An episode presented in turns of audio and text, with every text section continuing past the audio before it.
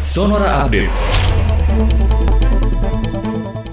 Sahabat Sonora Presiden Joko Widodo berpesan pada peringatan Hari Lahir Pancasila setiap tanggal 1 Juni agar dimanfaatkan untuk mengokohkan nilai-nilai Pancasila dalam bermasyarakat, berbangsa, dan bernegara.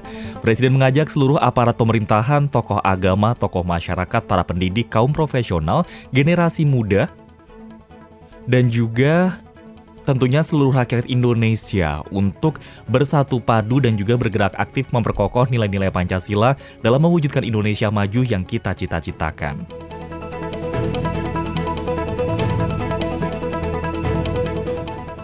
Menteri Keuangan Sri Mulyani Indrawati mengatakan adanya ancaman peningkatan kasus COVID-19 usai masa libur lebaran perlu diwaspadai.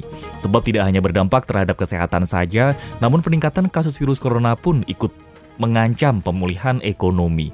Menurut Sri Mulyani, peningkatan kasus virus corona sudah tercermin dari tingkat keterisian tempat tidur di Wisma Atlet yang melonjak dua kali lipat.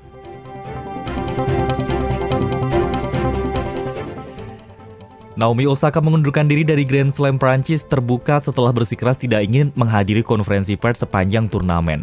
Osaka mengalami depres sejak meraih gelar pertama di arena Grand Slam Amerika Serikat terbuka 2018.